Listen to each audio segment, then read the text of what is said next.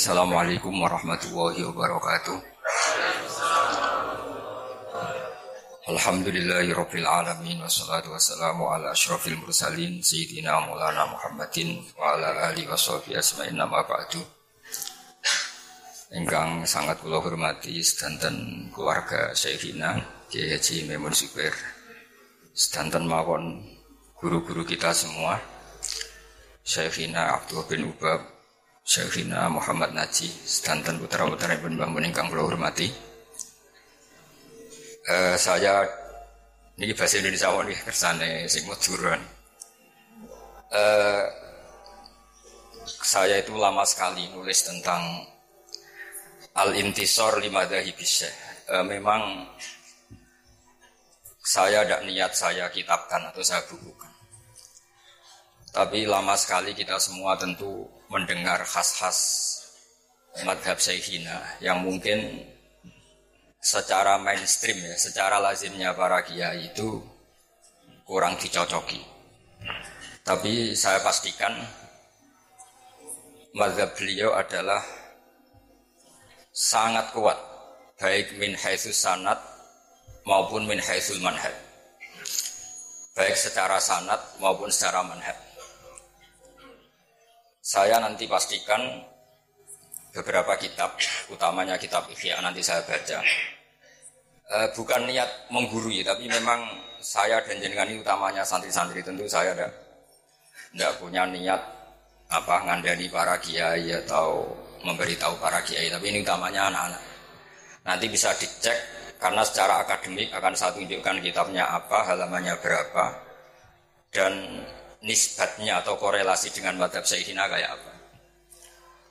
Misalnya begini, setiap saya macet di Semarang atau di Jakarta atau di mana saja.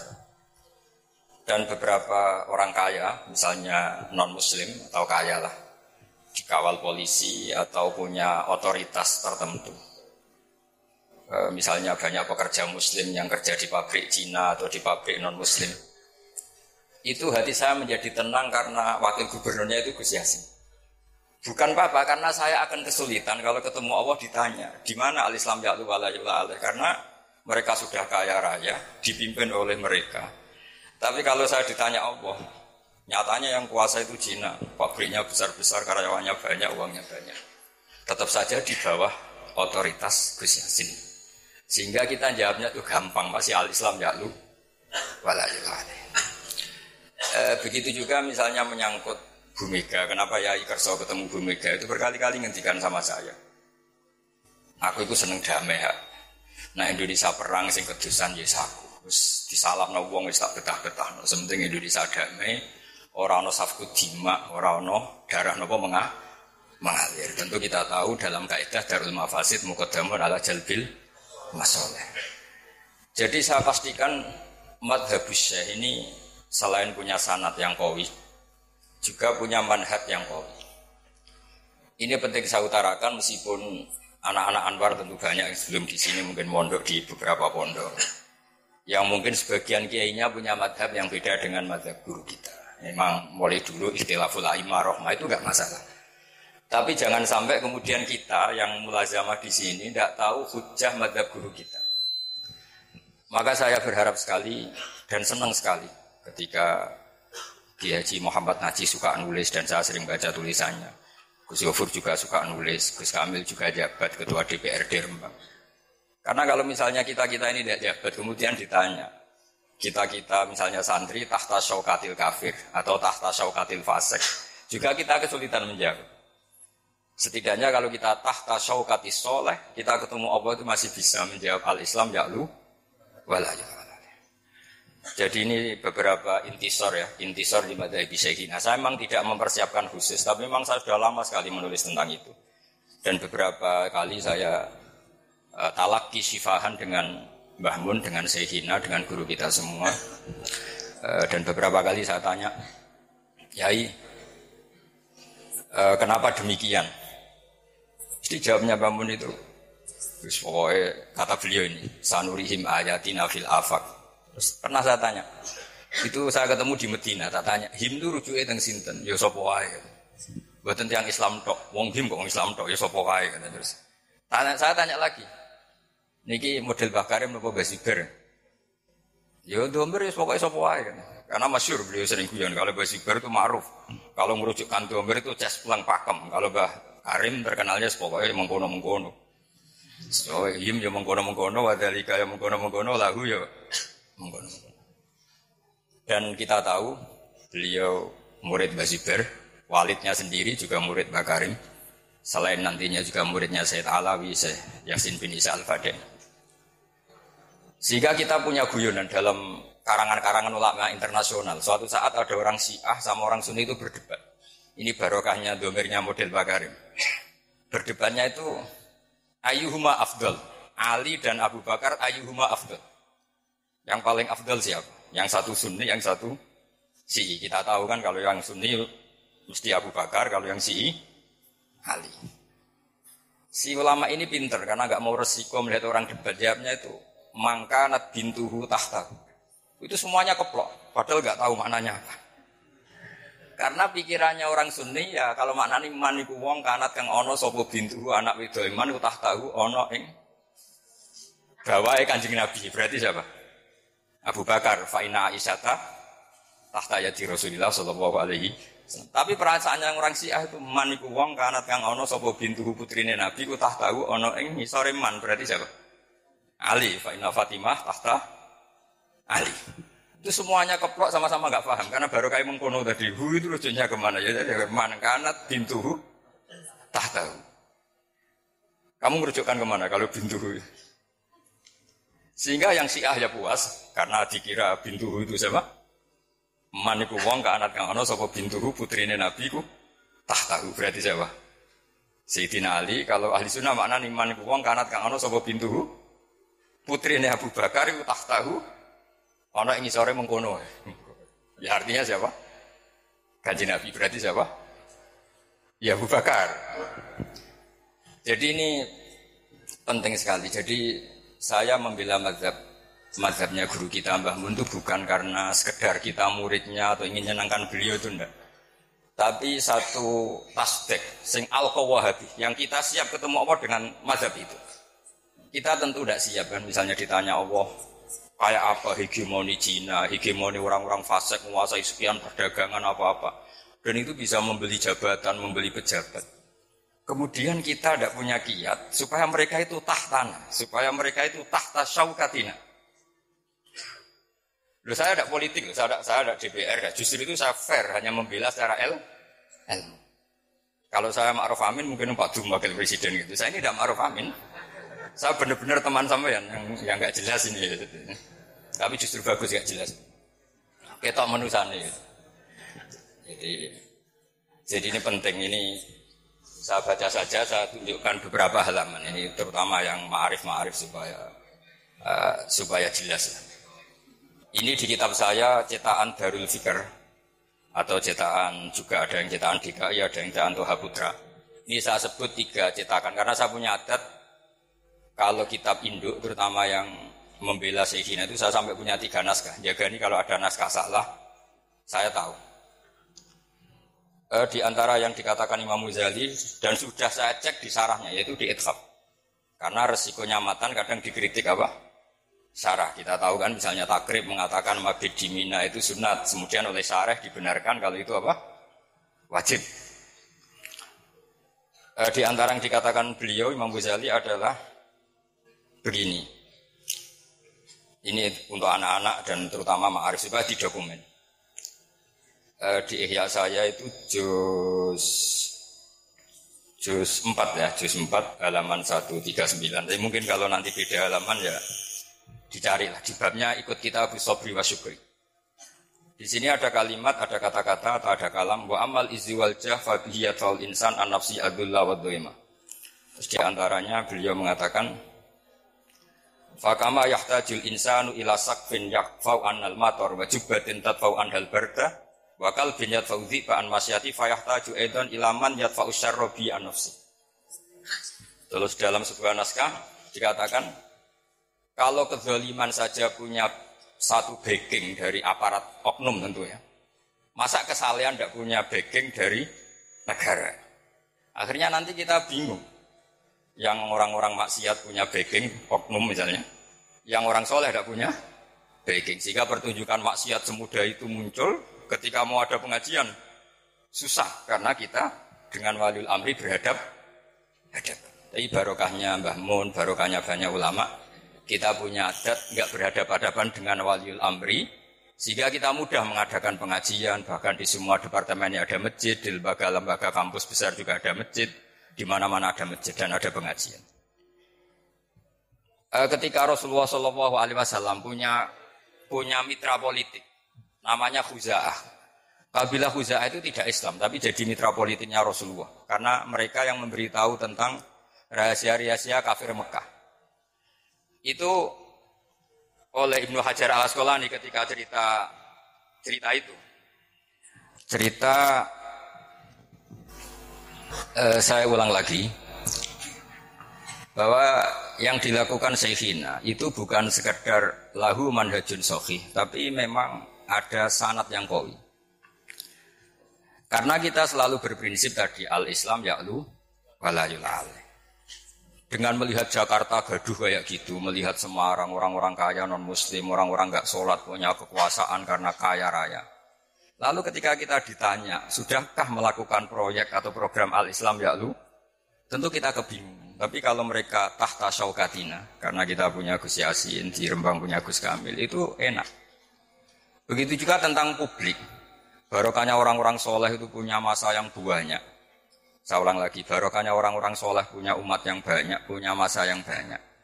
Mereka itu memperhitungkan kita karena kita memperbanyak jumlah orang soleh. Coba kalau jumlah orang fasek, orang dolim itu mayoritas dan militan, kita akan kesulitan. Makanya Rasulullah itu mewanti-wanti, jangan sampai kalian semua atau siapa saja orang Islam itu man kathara sawada qaumin fahuwa minhu. Tapi barokahnya Habib Syekh misalnya kalau konser kayak gitu orang banyak, banyak kiai yang punya umat banyak. Itu orang fase apa macam-macam yang mikir pemerintah nak penyalon no presiden, so takobal wa minamikum takobal ya garing mana. Tapi kalau kita misalnya tadi ngajinya sufi tapi nggak mau ilmu, kiai para pejabat paling duit dok, boleh pengaruh, boleh syuhrat dok. Itu resikonya sufi tambah ilmu. Itu mungkin yang sering di alam kecilkan bangun zada khusyuan zada jalan. Itu sampai harus hafal semua itu. Dan harus diapalin sampai mati itu wiridan apa? Zada khusyuan, zada jahat. Misalnya dalam konteks Palestina, Palestina itu tentu musuhnya Israel. Dan Israel itu punya kekuatan besar didukung Amerika.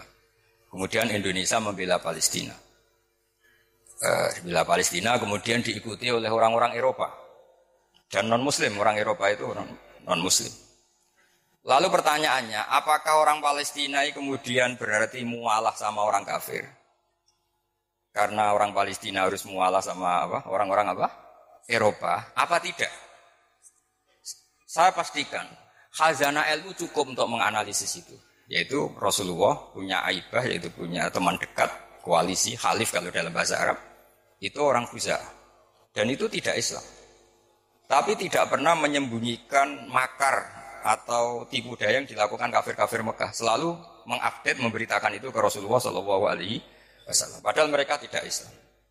Logika yang terbangun gimana? Ya logika yang terbangun karena Rasulullah itu soleh, bahkan ya tentu super soleh, imam solihin. Ini di kitab Ibnu Hajar al Asqalani uh, di Fathul Bari juz 5. Beliau mengatakan kalau ada kasus seperti itu atau konteks seperti itu, Wala yu'adu dzalika min muwalatil kufar wala muwadatu ada illah bal min qabil istikhdamihim wa taqlili syaukati jam'ihim wa inka ibadihim bi ba'din. Jadi kalau orang Eropa kamu biarkan tidak koalisi dengan Palestina, artinya Israel malah absolut karena semua dunia dukung Israel. Tapi barokahnya orang Palestina, orang Indonesia koalisi sama Eropa, Israel tidak terlalu solid karena tidak ab absolut. Artinya begini dalam hukum kias. Betul ini saya intisor wisaihina. Kalau misalnya para pejabat itu hanya dikuasai orang fasik, semua kerjanya programnya membela mereka. Tapi kalau dekat Mbah Mun, dekat Kiai, setidaknya diarahkan mikir ngaji. Nganggep pondok tidak problem. Faham ya? Ini jelas ya. Dan saya mohon sekali, mungkin Anda punya guru yang dulu madhabnya beda dengan Syekhina. Tapi saya pastikan saya nulis ini lama sekali. Intisor di Syekhina, tulisan-tulisan saya tentang tentang beliau. Dan ini saya lihat di Ihya, di Ithaf. Jadi beliau begini itu bukan mubtadi, bukan hal yang baru. Memang mutabik guru-gurunya seperti itu. Bahkan beliau sering cerita ke saya, Salahuddin al-Ayubi itu iso ngalahno pasukan salib itu baru kayak kitab Ihya. Baru kayak kitab apa? Ihya. Karena beliau mengkaji Ihya. E, pernah beliau tak tanya, apa Salahuddin al-Ayubi itu menangi Imam Ghazali? Kata beliau, Gue menangi burah. Pokoknya pinter ngono iku baru kayak Ihya kata gitu. Karena pernah tak hitung itu ya kayaknya ada menangi gitu. Karena saya pernah juga di Masjid Salahuddin apa? Al-Ayubi itu yang ini saya saya baca terus ini yang yang masih di Ihya. Kemudian dibenarkan oleh Ithaf. Wa kadzalika ulama udini Ya ini saya baca lagi. Wa ala hadal qasti kanal anbiya alladzina la mulka lahum saltonata yurauna salatina wa yatlubuna indahum. Dulu para nabi itu ya jadi penasihat presiden. Karena kalau nabi nggak mau orang soleh nggak mau penasihatnya kalau PKI gimana? Kan jadi pusing kan. Wa kadzalika ulama uddin. Syaratnya la ala qasti tanawuli min khazainihim wal istiksar. Di dunia bimutaban. Tentu kita yakin guru kita tidak akan seperti itu. Terus ini Imam Ghazali menutup Wala tadzunnanna anna ni'matallahi ala Rasulillah haitsu nasarahu wa akmala dinahu wa adzharahu ala jami'i adaihi wa makkana fil qulub hubbahu hatta tasa'a bi izzuhu wajahu kanat aqalla min ni'matihi alaihi haitsu kana yu'da wa yudrab hatta faqara ilal harab wal hijrah. Artinya ketika Nabi punya otoritas penuh menguasai Mekah dan Madinah karena beliau orang soleh, jadinya aturan-aturan kesolehan, yaitu Ka'bah harus begini, nggak boleh ada lagi orang pelanja, nggak boleh ada berhala. Kalau kiai-kiai itu menguasai negara, paling-paling ujung-ujungnya ya bikin Mahat Ali. Terus santri-santri dipikir negara. Kalau ada teroris juga agak lagi ada intel ke pondok, pondok-pondok. Karena santri pasti NKRI harga apa? Mati. Itu semuanya itu barokah. Ini penting saya utarakan terus kata sarehnya litam siati umurihim adiniyah. Ketika Imam Ghazali bilang ulama udin oleh kitab Ithaf saya itu dikatakan salafan wa kholafan. Jadi ini bukti kalau teori itu tidak pernah masuk. Karena beliau bilang salafan wa kholafan. Ini penting saya utarakan karena kita punya logika yang dua. Misalnya begini. Kalau berteman orang fasik itu kan taksiru sawadil fusak. Memperbanyak jumlahnya orang fasik. Tapi kalau yang fasik ini pejabat, kemudian orang soleh nggak mau nemanin itu berarti taraktum ummata Muhammadin sallallahu alaihi wasallam fi aidil mubtadi'ah. Ya kalau mubtadi'ah, kalau mudillah, kalau mukafir. Misalnya Anda membiarkan negara dikelola orang-orang fasik, kemudian punya ide bahwa pondok itu kriminal. Bahwa pondok itu teror, teroris mereka yang bikin pelaturan, mereka yang punya otoritas kita habis. Ini barokahnya istiannya Yai Kerso dekat Mega, terus Gus Roji cucunya DPR RI, Gus Kamil ketua DPR. Tapi Yai tentu selalu menjaga khazanah ilmu. Saya itu menyaksikan betul betapa bangganya beliau dengan Gus Naji. Ketika beliau ngarang Asyadaratul Lama, sering saya disuruh baca. Apa itu karangan Mbak Fadl Kawakibul Lama. Terus kata beliau, aku itu kiai tenan. Nah kok buktinya anak-anakku alim. Terus lama-lama Jadi beliau itu mewakili minal janibin. Jadi yang yang negara ya diurus, khasnya pesantren juga apa? Terus, jadi ini penting saya utarakan supaya kamu ala yakinin bahwa kita membela madhab syekhina itu ala yakinin, ala bayinatin, bukan sekedar kultus. Hidup saya itu di Jogja, ketemu orang macam-macam. Ya kadang ditanya, ditanya, kenapa guru anda ikut P3? Saya tanya, kenapa anda tanya? Terus, saya tanya, Terus kalau kiai politik itu kan jelek kata dia. Terus kata saya gini, ya biarin aja negara yang politik orang-orang yang nggak beragama. Ya jangan nanti negara rusak. Ya sudah, biar kiai juga ada yang kerso apa? Politik. Jadi memang sebagian pertanyaan itu memang harus dijawab dengan pertanyaan. Karena ini penting. Saya itu dulu pernah. Saya itu punya kenangan terbaik di Jogja itu pernah diparani seorang yang pakar komunis. Bukan sekedar orang pakarnya. Itu jam setengah lima, sama masih ingat. Tanya gini sama Pak. Pak Bahak, kalau kamu bisa menjelaskan Tuhan itu siapa, nanti saya mau Islam. Kata saya. Terus saya bilang gini, ini ngajak pinter apa ngajak goblok kata saya. Kata, kata dia, ya ngajak pinter kata saya. Terus tanya nih, kira-kira yang jadi sebab, jadi faktor itu sesuatu yang wujud apa yang nihil, yang nihilisme atau yang adamiah kalau dalam bahasa Mbok. Ya di mana-mana sebab itu harus punya eksistensi, harus wujud.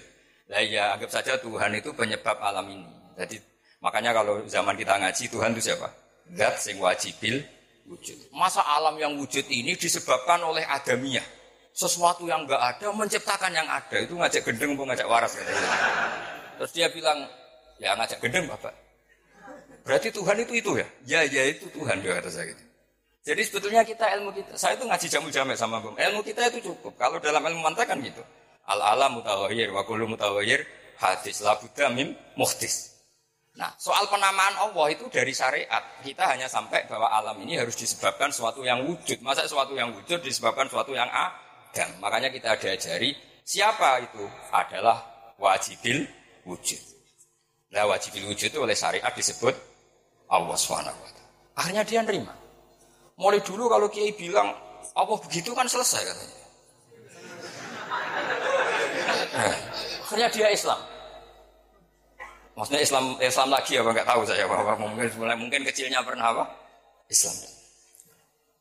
Nah Mbah Mun itu termasuk orang yang punya kemampuan itu, punya kemampuan seperti itu, olah pikir. Makanya ketika Imam Syafi'i, saya sering diceritakan Imam Syafi'i ketika ngaji sama Imam Malik, Imam Malik itu gaya hidupnya mewah. Setelah ngaji Imam Malik, ngaji Muhammad bin Hasan Asyaibani di Irak, itu hidupnya lebih mewah lagi. Imam Malik mewah, itu Muhammad bin Hasan lebih mewah. Imam Syafi'i mulai gawe ini gimana ulama kok. Itu kalau ngitung uang, ngitung emas kalau dulu dinar itu di meja. Jadi kalau santrinya mau salam tempel ya sungkan karena emasnya banyak. Itu malah sekali lagi Imam Malik sudah mewah ini malah lebih mewah. Terus mulai tanya, Ajib min hadi, kamu kamu aneh dengan ulama seperti ini, min hadil khala. Iya katanya. Ya kalau kamu gak terima ulama kaya tak kasihkan orang fasik ben dipakai kefasikan. Jangan nanti malah dipakai maksiat. Ya sudah berarti ulama kaya boleh yang salah salah. Semenjak itu Imam Syafi'i itu rubah cara berpikir. Ini penting sehingga saya, saya menyaksikan betul.